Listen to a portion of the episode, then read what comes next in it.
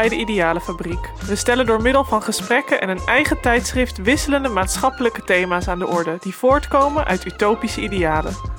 We zijn er om mensen en ideeën met elkaar te verbinden, om te inspireren tot nieuwe zienswijzen en te ondersteunen daar waar nodig.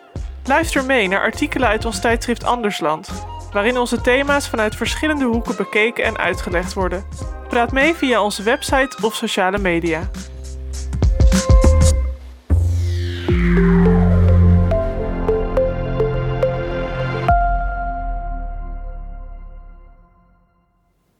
Volgende artikel is geschreven door Melou van Hintem. Melou is wetenschapsjournalist, moderator en dagvoorzitter. Dit artikel verscheen reeds in Andersland 2, uitgegeven in 2019. Het vertekende beeld van eigen verantwoordelijkheid. Melou van Hintem stelt dat de psy-industrie ongelijkheid en armoede in stand houdt door problemen die politiek-maatschappelijke oorzaken hebben louter en alleen op een psychologisch individueel niveau te proberen op te lossen. Wat voor discours hebben we gecreëerd met betrekking tot ongelijkheid en armoede in onze hypergeïndividualiseerde maatschappij? En welke verantwoordelijkheid hebben de geprivilegeerden in onze samenleving hierin?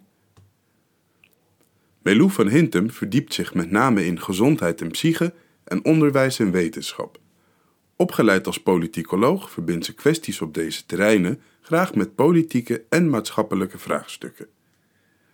Melou publiceert onder meer in Trouw, NRC en De Groene Amsterdammer. Daarnaast schreef ze verschillende boeken, waaronder Doe eens normaal, over de zin en onzin van psychiatrische diagnoses. Tevens schreef ze Brein onder druk, over stress, agressie en veerkracht. Burn-out, depressies, suïcide, stress. Als je de media mag geloven, neemt ons ongeluk epidemische vormen aan. Dag- en maandbladen, zoals NRC en Psychologie Magazine, hebben een dossier burn-out op hun site staan. Omroep Max besteedde in juli 2019 een hele televisieavond aan stress. En diezelfde dag berichten verschillende media over de wildgroei aan stresscoaches. Ja, stress is natuurlijk ook een fijn verdienmodelletje. De markt van zelfhulpboeken blijft groeien, net zoals de markt van dieetboeken. Elke nieuwe versie geeft weer nieuwe hoop. En tijdschriften, zowel on als offline, bestoken ons met vragen over ons welbevinden. Voel je je wel eens onzeker? Zie je soms tegen dingen op? Denk je wel eens: waar doe ik het eigenlijk allemaal voor? Heb je de afgelopen week wel eens wakker gelegen? Vind je dat je te veel piekert? Drink je niet te veel? Beweeg je niet te weinig? Afvinken maar. En naderhand je behaalde punten optellen en kijken wat je score betekent. Het antwoord op al die vragen is natuurlijk ja, want als mens is niets menselijk soms vreemd en gelukkig maar. Maar de vragenmaker zou bij elke score een alarm afgeven en je aanraden ofwel professionele hulp te zoeken ofwel alert te blijven op de geringste signalen van verslechtering en dan zo nodig alsnog hulp te zoeken. Of bij een lage score jezelf te verbeteren omdat je al zo goed bezig bent. En als het antwoord op alle vragen nee is, dan deugt dat evenmin, want dan ontbreekt het je aan zelfinzicht. Je kunt het, kortom, eigenlijk nooit echt goed doen. En jij bent de enige die daar wat aan kan veranderen. Want jij bent de enige die het beste uit jezelf kan halen. De enige die de beste versie van jezelf kan worden. En de beste versie van onszelf worden, dat is de nieuwe norm. Dat is normaal. Normaal is dus niet wat je bent, maar wat je kunt worden. Normaal is wat je steeds moet nastreven en nooit zult bereiken. Want als je er eenmaal bent, dan moet je weer verder kijken en hoger reiken. Want het kan altijd beter. Dat is normaal. Zo zadelt de dwang tot perfectie ons op met een onmogelijke taak, die vooral leidt tot frustratie, stress en een voortdurend gevoel van tekortschieten en onbehagen. Ongelukkige of pechvogels bestaan niet meer. Wie niet meekomt is een loser. Een suffert die niet hard genoeg zijn best heeft gedaan, kansen heeft gemist of is weggelopen voor uitdagingen waarin hij eigenlijk zijn tanden had moeten zetten. Als succes een persoonlijke keuze is, dan is falen dat ook. Zo kan het gebeuren dat problemen zoals inkomensonzekerheid, onveiligheid, verslaving, chronische ziekte of psychische aandoeningen van hun sociaal-maatschappelijke context worden ontdaan en worden geïndividualiseerd en gepsychiatriseerd. Problemen die samenhangen met een economisch systeem dat aan de ene kant bonussen uitdeelt en aan de andere kant flexwerkers uitperst. Met een onderwijssysteem waarin kinderen met de rijkste ouders nog steeds het beste af zijn. Met een ongelijk begin in het leven waarvoor je wordt gestraft met een slechter huis, een slechtere gezondheid en een kleinere portemonnee. Met een diplomademocratie waarin de stem van lager opgeleiden slecht is vertegenwoordigd en zelfs op lokaal niveau slecht wordt gehoord. Kortom, al die problemen die in feite maatschappelijke vraagstukken zijn, die om structurele maatregelen vragen, blijken tegenwoordig veroorzaakt te worden door iemands gebrekkige individuele motivatie om er het beste van te maken. Daarbij is de impliciete redenering dat succesvolle anderen bewijzen dat zij die inspanningen wel hebben geleverd. Zij hebben dood eenvoudig recht op een veel groter deel van de koek, want daar hebben ze voor gewerkt, hun best voor gedaan. Dat hebben al die marginalen met hun nul-uren-contract natuurlijk niet. Die kunnen niks en die willen niks. Het ontbreekt een dood eenvoudig aan doorzettingsvermogen en wilskracht, want wat je ook bent, hebt, krijgt of verliest, het ligt allemaal aan jezelf. In 2016 verscheen het manifest Stel mensenrechten centraal in het sociaal werk. Hierin staan behartenswaardige gedachten voor iedereen die zich afvraagt of de individualisering van succes en falen niet is doorgeslagen. Het manifest is ondertekend door tientallen professoren en lectoren uit Nederland en Vlaanderen. Zij stellen onder meer in Nederland en Vlaanderen zien we het streven naar de ooit zo gekoesterde fundamentele waarden, zoals rechtvaardigheid en gelijkheid, in de verdrukking komen. Als oorzaak kunnen we onder andere noemen 1. De gevolgen van de economische crisis en de noodzaak om alsmaar oplopende zorgkosten terug te dringen, waardoor een rechtvaardige verdeling van middelen onder druk komt te staan. 2 de dominantie van het neoliberale denken, waarbij autonomie gedefinieerd wordt in termen van eigen verantwoordelijkheid en eigen redzaamheid. In dit autonomiedenken vallen mensen die om welke reden dan ook niet in staat zijn om verantwoordelijkheid te dragen en zichzelf te redden buiten de boot. De impact hiervan voor burgers die leven in kwetsbare leefomstandigheden is bijzonder groot. Denk aan kinderen, mensen in armoede, vluchtelingen, ouderen mensen met een verstandelijke beperkingen en mensen met psychiatrische problematiek. En steeds meer mensen dreigen in kwetsbare situaties te leven. De gevolgen worden steeds meer zichtbaar: stijging van armoede, grotere sociale ongelijkheid en uitsluiting en rechten die in de knel dreigen te raken. De hooggeleerden richten zich met hun manifest op de sociaal werkers en noemen sociaal werken mensenrechtenberoep, want Sociaal werkers proberen elke dag opnieuw uitsluiting van mensen in de samenleving op te heffen en bij te dragen aan sociale rechtvaardigheid en menselijke waardigheid. Je zou voor sociaal werkers ook psy-deskundigen kunnen invullen, psychiaters, psychologen, psychotherapeuten, psychiatrisch verpleegkundigen en andere psycherelateerde beroepen. Ook zij proberen elke dag opnieuw uitsluiting van mensen in de samenleving op te heffen en bij te dragen aan sociale rechtvaardigheid en menselijke waardigheid. Hopen we. Maar wat veel van hen in feite, en ongetwijfeld met de beste bedoelingen, doen, is slapeloosheid, stress, depressie, irritatie, gevoelens van machteloosheid, hulpeloosheid en zinloosheid proberen te verhelpen door de oorzaak daarvan uitsluitend in de patiënt zelf te zoeken en dan kunnen deze ongelukkigen helemaal zelf werken aan de oplossing ervan. Daarbij wordt gezwaaid met termen als zelfredzaamheid, weerbaarheid, veerkracht en eigen regie. Begrippen waarmee persoonlijke problemen uit de maatschappelijke context worden gehaald en van hun politieke lading ontdaan. Wat overblijft na deze radicale reductie zijn individuele problemen die iemand met behulp van behandeling en eventueel medicatie kan overwinnen. De Canadese onderzoekers Heidi Rimke en Deborah Brock spreken in hun artikel The Culture of Therapy, Psychocentrism in Everyday Life, van de groei van de pathologische benadering, een typisch westers en recent historisch verschijnsel dat veronderstelt dat persoonlijke problemen individuele problemen zijn en veroorzaakt worden door biologische en psychologische factoren. Ze noemen dit psychocentrisme, het idee dat alle menselijke problemen aangeboren pathologieën zijn van lichaam en geest, waarbij het individu verantwoordelijk is voor gezondheid en ziekte, voor succes en falen.